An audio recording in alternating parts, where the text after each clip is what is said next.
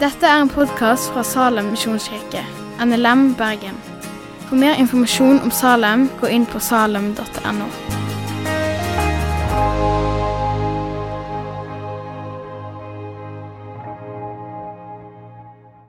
Følg meg. Eh, Det å følge, det er ei vandring. Og ei vandring det har alltid et neste steg. Eh, Hvis ikke så blir det jo stilleståing. Så jeg kommer til å kaste ut noen utfordringer sånn litt utover talen. Eh, For vi er på ulike plasser i den vandringen, så kanskje noe kan være til deg. Og så er altså temaet i dag 'Følg meg inn i bønn, stillheten og alenetida'. Eh, Jeg må bare si at jeg syns det er et utfordrende tema.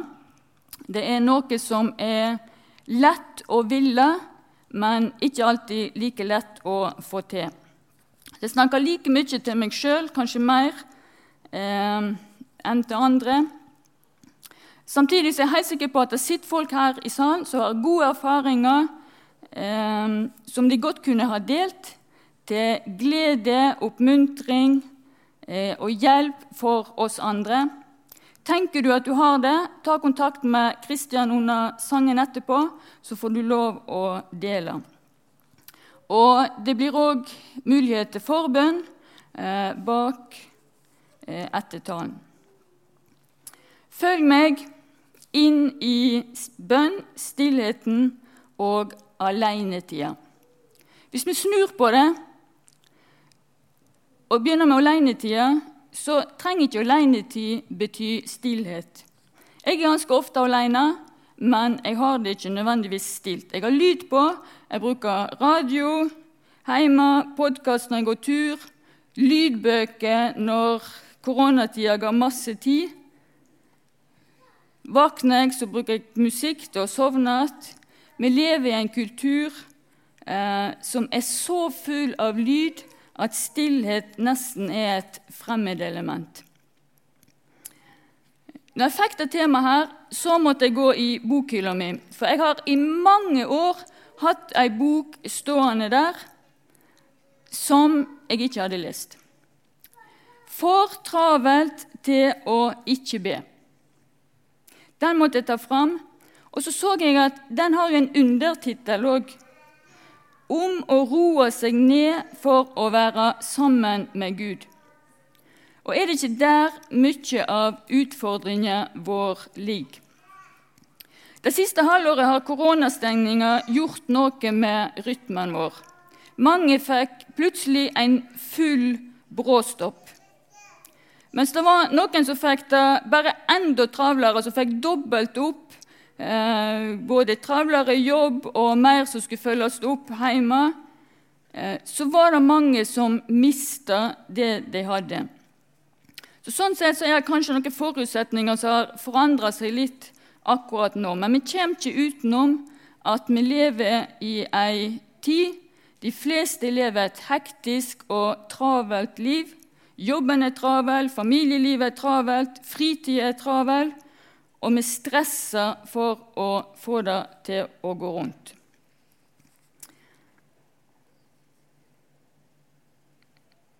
Når dette endra seg, og korona og nedstengning kom, så var det veldig mange som oppfordra eh, til å bruke tid på Bibel og bønn. Det var flere som sa at nå skulle vi ha god tid til Bibel og bønn, eh, siden det var så mange andre aktiviteter som eh, var borte. Og Det er helt sikkert en del som fikk det til. Men jeg har også hørt kommentarer på som sa at jo, en skulle jo tro at en fikk mer tid til det, men sånn ble det ikke.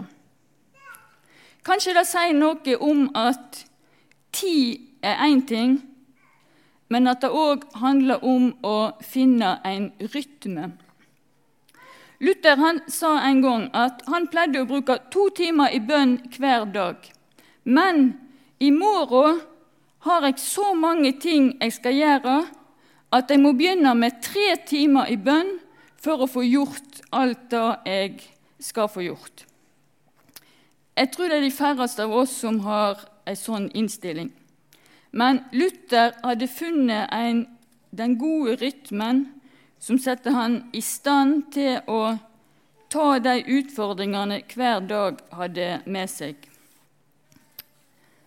For Jesus var det viktig å komme seg vekk fra folkemengder, vekk fra mas og kav, for å kunne bruke tid alene med far sin i bønn. Alle evangelistene forteller om det, at han oppsøkte plasser der han kunne være alene. Og Ofte måtte han et stykke vekk. Stunder reiste han til andre sida av sjøen, andre ganger dro han opp i fjellet. Mens andre ganger igjen så står det ikke hvor han gikk, som Markus begynner med i sin, sitt første kapittel. Tidlig neste morgen, mens det ennå var mørkt, sto Jesus opp, gikk ut og drog til en øde plass og ba der. Dette var ikke noe som skjedde bare én gang. Ehm, for Lukas han skriver sjøl trekte han seg ofte tilbake til øde plasser og var der og ba. Det var normalt at Jesus fant seg en plass der han kunne være alene og be. Samtidig så tenker jeg at eh, Bibelen forteller oss noe om hva disse alenestundene med far gjorde med Jesus. Jeg tror vi kan lære litt av det òg. Hvis vi skal sette noen stikkord eh, på litt av det, så vil vi se at bønn i stillhet og enerom det hjalp han til å holde fokus. I begynnelsen av tjenesten sin så var Jesus han ble veldig fort populær. Folk kom strømmende, syke ble friske, det ga tydelige resultat. Vi kan nesten si at han hadde suksess. Men det var et stort men. Vi leser igjen fra Markus 1.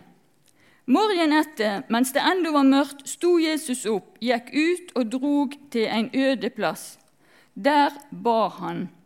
Simon og de som var med han, skyndte seg etter. Og da de fant han, sa de, 'Alle leiter etter deg.' Men han svarer, 'La oss fare videre til småbyene her omkring, så jeg kan forkynne der òg.' Det er derfor jeg er kommet. Jesus helbreder senere òg. Men det viktigste var å forkynne, eller bære budskapet om Guds rike, som Lukas formulerer det. Om det ikke står direkte, så tenker jeg at gjennom disse samtalene med far sin, så fikk han hjelp til å holde nettopp dette fokuset og kraft til å gå videre. Og Det hjalp han når han skulle ta viktige avgjørelser. Lukas 6. I de dagene gikk han en gang opp i fjellet og ville be, og han var der hele natta i bønn til Gud. Da det ble dag, kalte han til seg læresveinene sine og valgte ut tolv. De kaller han apostler. Det var Simon, som han også kaller Peter, og Andreas, bror hans, Jakob og Johannes, Philip og Bartolomeus, Matteus og Thomas, Jakob, sønn til Alfeus, og Simon, som de kaller Seloten, Judas, sønn til Jakob, og Judas Iskariot, han som ble sviker.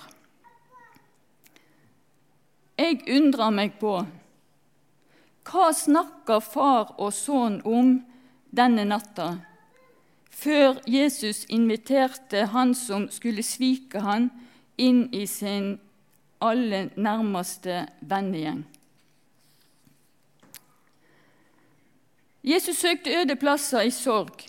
Matteus 14. Da Jesus fikk høre at Johannes var død, gikk han ut i en båt, drog derifra til en øde plass, så han kunne være alene. Og han fikk styrke gjennom bønnesamtalene med far sin, som i Getsemane natt til langfredag, der kampen i han er så sterk at det bare så vidt han greier å bevege seg. Lukas skriver han sleit seg fra dem så langt som et steinkast, falt på kne og ba. Far, om du vil, så ta dette begeret fra meg, men la det bli som du vil, ikke som jeg vil. En engel fra himmelen synte seg da for han og styrkte han. Han går tilbake til Peter, Jakob og Johannes, som sitter like ved. Eh, ser at de er fulle av søvn, så han går tilbake igjen og ber samme bønner en gang til. Eh, enda en gang går han tilbake til dem, ser at de sover, og går tilbake og ber igjen. Men da er det som om vi møter en annen Jesus. Besluttsom, klar Tida er inne, stå opp, la oss gå.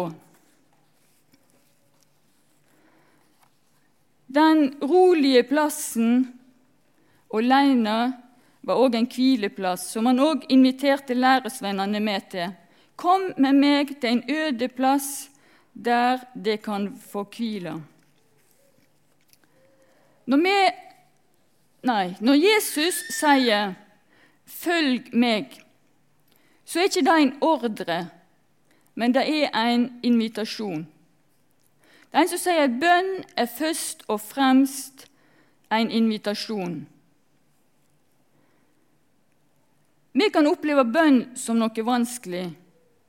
Er det fordi at vi gjør bønn til et strev? Noe vi ikke fikser, og så får vi dårlig samvittighet, og så gir vi opp? Jeg vet ikke. Men det var en som sa at hvis du fikser bønn, så er det neppe bønn du holder på med. Ikke tenk at du skal eller kan fikse det. Jesus inviterer oss ikke til strev, men til hvile. Og Jesus sier ikke bare 'følg meg', han sier òg 'kom', som enda sterkere understreker invitasjon. Kom til meg, du som har det tøft. Kom hit til meg med det vesle du har, så vil jeg velsigne det så det blir nok. Kom til meg, kom med meg til en øde plass og hvil deg. Kom med fingeren din og forstå hvem jeg er. Kom og se om det er bra, det jeg har å gi. Kom og få mat. Kom og følg meg. Jeg tror vi har lett for å se bønn eh, fra vår synsvinkel. At vi skal prestere, eller vi skal gå til Gud med våre behov når de blir store. Men bønn er noe som Gud ønsker. Gud lengter etter oss. Som far som speider etter sønnen sin, Sånn lengter han etter å være sammen med oss. Prater med oss, hører hvordan vi har det, gir av sine gode gaver. Gud inviterer oss inn i sin nærhet. Far inviterer barnet sitt til fortrulig samtale. Og så er det et spørsmål i Bibelen som jeg syns er litt overraskende. For Læresveinene de fulgte tett på Jesus over lang tid. Og Selv om Jesus ofte gikk alene og ba, så er jeg helt sikker på at han òg ba sammen med læresveinene. Og likevel så ber de Jesus en dag om å lære dem å be. Og Da har Jesus tre korte punkt til dem. Ehm, og til oss. Hvordan skal vi be? Han sier be i enerom. Finn en plass der du kan være alene uten å bli forstyrra. Be oppriktig. Ikke rams opp mange ord. Legg vekk tanken om at bønn signaliserer åndelighet.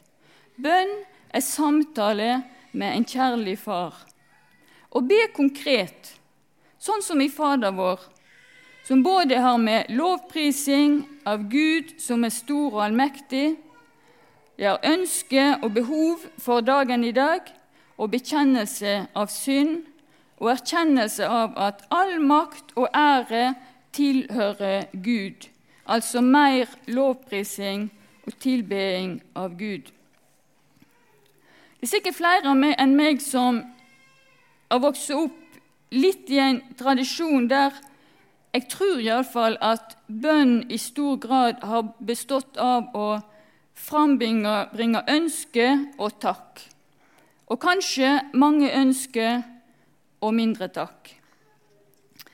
Derfor så både likte jeg og ble utfordra når jeg ble kjent med et enkelt akronym om bønn som har vokst ut nettopp av Fader vår, ved å se den bønna som en modell for bønn, og ikke bare ei bønn som vi ber ord for ord. Fire enkle bokstaver T-E-T-Ø. Tetø, som står for tilbedelse, erkjennelse, takk og ønske. Et enkelt mønster for bønn som kan hjelpe oss til at bønn ikke bare blir ei lang ønskeliste, eller kanskje til og med ei kravliste. Kjære Gud, gjør det, husk sånn, pass på den, ikke glem som fort bønn kan bli. Så om ikke du har et godt bønnemønster, så utfordrer jeg deg til å prøve det her. T for tilbedelse. Det vil minne oss om på hvem vi henvender oss til. Fokusere på Gud, hvem Han er, Hans storhet og makt, og tilbe Han som er verdig til å få pris og ære og makt. E for erkjennelse. Erkjenne hvem Gud er, og hvem jeg er. Innrømme at jeg er en synder. Vedkjenne synd konkret ved navn. Og T for takk. Ti spedalske ble helbreda. De var garantert glade alle sammen, men det var bare én som kom tilbake og takka. Og vi har jo så utrolig mye å takke for. Og så Ø for ønske. Ingenting er for lite, ingenting er for stort for Gud. Legg alt det har å be om, fram for Gud, skriver Paulus. Mange har penn og papir tilgjengelig i si alenetid med Gud. Noen skriver ned hele bønna de ber, for de syns det er lettere å formulere bønner skriftlig, og så ber de det som de har skrevet. Andre skriver ned bønneemnet, hva de ber for. Så kan de gå tilbake etterpå og se bønnesvarene. Mens andre igjen skriver ned tanker de får i enerom med Gud. Kanskje det er et neste steg for noen. Jeg tror bibellesing kommer som et eget tema i Følg meg-serien. Men jeg tenker òg at bibellesing det er en del av alenetida med Gud. Les et ord, meditere over det, og så be og kommunisere med, med Gud. Og det fins mange hjelpemidler for det, men Luther han skriver til en nybegynner at han skulle begynne forsiktig. Han skriver ikke ta på deg for mye sånn at du blir trøtt i ånden. Til å tenne en gnist i hjertet er det tilstrekkelig å fatte en, en del av et bibelvers, eller til og med bare en halvdel. Magnus Malen sier litt av det samme, at en bør bli værende i et bibelord til en er ferdig med det. Det kan ta kort tid, det kan ta et halvt år eller mer, og først da gå videre. Kanskje det er utfordring for noen som leser fort og mye. Så har andre funnet rytmer i å lese ett kapittel om dagen. I gjennomsnitt tar det tre minutter. Det er mange bibelleseplaner som kan hjelpe oss til å få struktur på bibellesing. Gud ønsker å møte oss både i ordet sitt og i bønn. For bønn er ikke bare tale, bønn er samtale.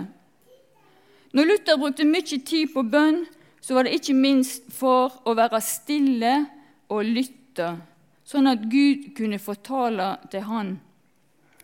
Jeg er ikke sikker på om det var han som sa, men en som sa at hvis vår bønn endrer seg fra å være tale til å bli taushet, og hvis vår taushet endrer seg til lytting, så vil stemma til den gode hyrden komme gjennom på en utvetydig, klar og enkel måte. Jeg så for en del år siden en videotale, eller en del av en tale, var det antageligvis, der den godt voksne pastoren eh, fortalte om en oppleving han hadde som ung pastor i ei nyoppstarta kirke. Da kom det en reklamemann som nettopp Han jobber i reklamebransjen. Han er nettopp blitt kristen. Han kom bort til han etter gudstjeneste og sa det at det der med stilletid, det går ikke. Det funker ikke. Du lever i ei annen verden. Den unge pastoren han svarer det at han pleide å få tid til det som var viktig for han. Hvis noe virkelig var viktig, så fant han tid til det. Reklamemannen gikk, pastoren så ikke mer til han før et halvår eller så seinere. Da kom han, og så inviterte han pastoren og kona hjem til seg på middag. Når de kom dit, så tok mannen dem med inn i et rom, der det bl.a. sto en gyngestol, og reklamemannen forteller Du sa at jeg burde finne en fin plass der jeg kunne ha min stille stund. Jeg liker gyngestoler, så jeg kjøpte en god gyngestol.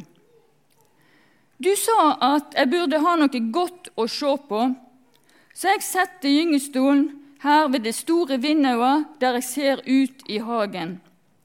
Og så står jeg opp en liten halvtime tidligere, tar med en kopp kaffe, setter meg her og leser litt i Bibelen.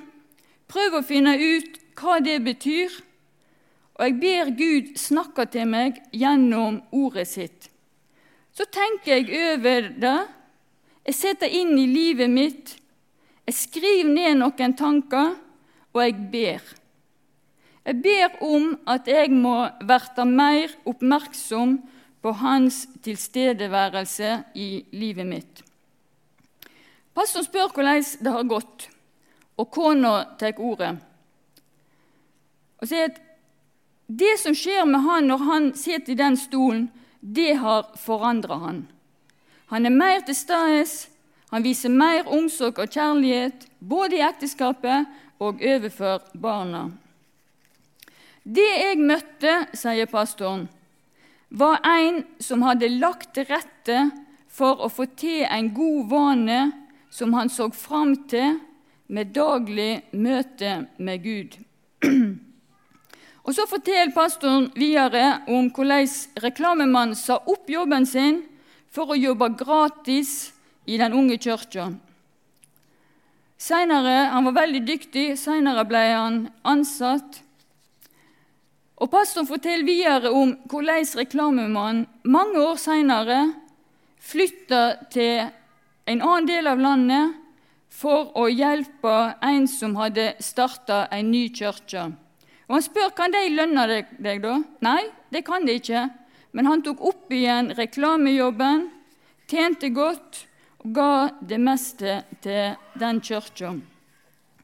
Alt dette skjedde fordi Gud talte til han gjennom de daglige stille stundene i gyngestolen.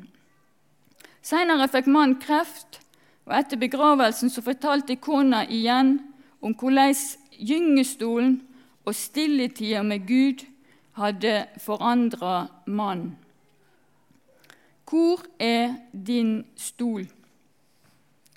Det kan være hvor som helst.